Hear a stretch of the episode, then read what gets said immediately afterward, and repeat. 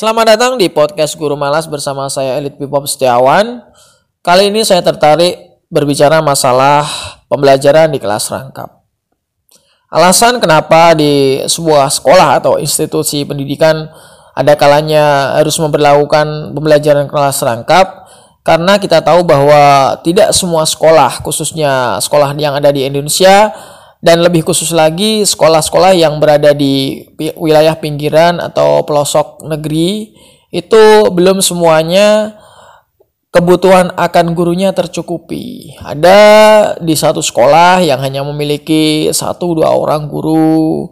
Ada di satu sekolah yang gurunya sebenarnya cukup namun kehadirannya kurang. Jadi mau tidak mau guru yang ada dan e, mengajar di sana harus memperlakukan pembelajaran kelas rangkap agar kegiatan belajar mengajar tetap berjalan.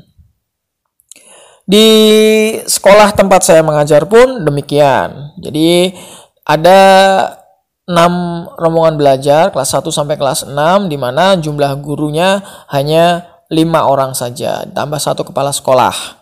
Jadi eh, mau tidak mau ada satu guru yang harus memegang dua kelas dan ini biasanya dilakukan oleh guru kelas 1 2 ataupun kelas tinggi 5 6. Jadi merangkap dua kelas. Saya sendiri eh, sering mengalami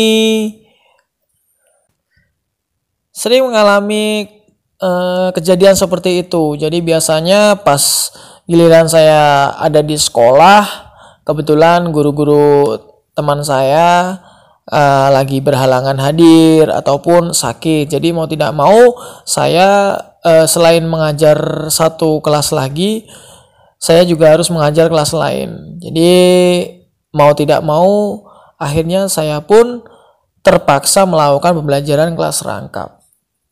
Namun saya tidak pernah e, menyatukan siswa yang berbeda jenjang ke dalam sebuah kelas.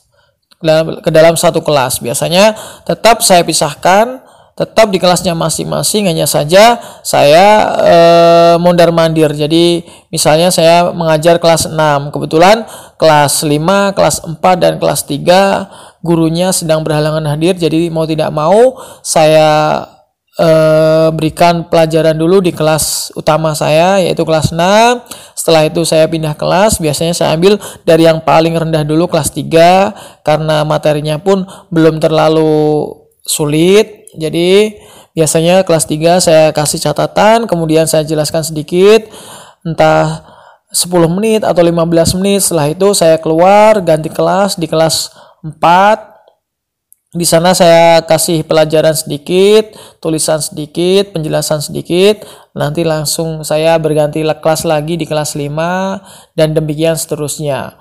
Nah, eh, kendala yang saya alami biasanya kalau misalnya siswa yang kita tinggal itu biasanya cenderung untuk keluar kelas. Siswa tidak akan betah lama-lama di dalam kelas apalagi kita tahu bahwa anak usia SD itu lebih dominan uh, ke permainan. Jadi anak itu bermain sambil belajar, bukan belajar sambil bermain. Uh, itu pun uh, tidak hanya berlaku di kelas rendah, tapi kelas tinggi pun juga demikian. Masih sering keluar kelas meskipun belum waktunya istirahat. Nah, bila keadaan sudah seperti ini, biasanya saya eh, mengambil jalan pintas. Jalan pintas yang saya ambil biasanya saya mengajar matematika di semua kelas yang pada hari itu tidak ada gurunya. Jadi biasanya kelas 3 saya berikan soal yang mereka bisa tapi jumlahnya saya perbanyak. Jadi eh, kesempatan mereka keluar sebelum jam istirahat itu kecil.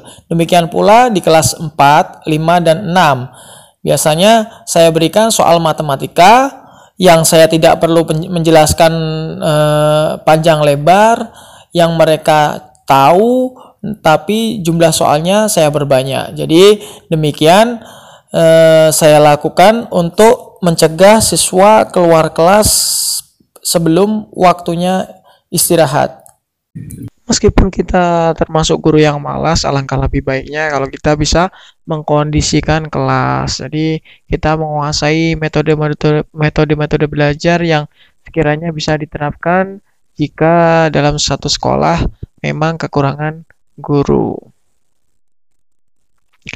Itu tentang masalah pembelajaran kelas rangkap yang sering kali saya terapkan dalam pembelajaran di sekolah saya. Di uh, alhamdulillah sampai sekarang pun meskipun sering kali saya mengajar uh, sendiri atau berdua namun karena uh, strategi yang saya terapkan cukup berhasil jadi pembelajaran masih tetap bisa berlangsung. Dan anak-anak yang terpenting tidak keluar kelas seenaknya sendiri jadi saya masih bisa mengontrol ketika anak harus belajar dan kapan waktunya harus uh, istirahat. Bahkan sering kali kalau misalnya saya memberikan pelajaran matematika kepada anak-anak, sering kali saya malah masih uh, punya sisa waktu untuk santai itulah uh, makanya saya kadang heran sendiri kalau misalnya ada uh, guru yang kel kelelahan atau kecapean manakala ia harus mengajar seorang diri di dalam sekolah. Hidup ini kan harus dibuat santai. Jangan uh, kita terlalu fokus, terlalu semangat sehingga Akhirnya karena kita terlalu over semangat, maka tubuh kita menjadi capek, kita menjadi lelah sendiri dan akhirnya kalau kita sudah capek, pikiran capek, badan capek, eh, larinya nanti kita ke anak-anak juga. Tidak bagus nanti kalau kita harus marah kepada anak-anak gara-gara kita tidak bisa mengkondisikan pembelajaran dengan baik selama di sekolah. Itu saja uh, dari saya.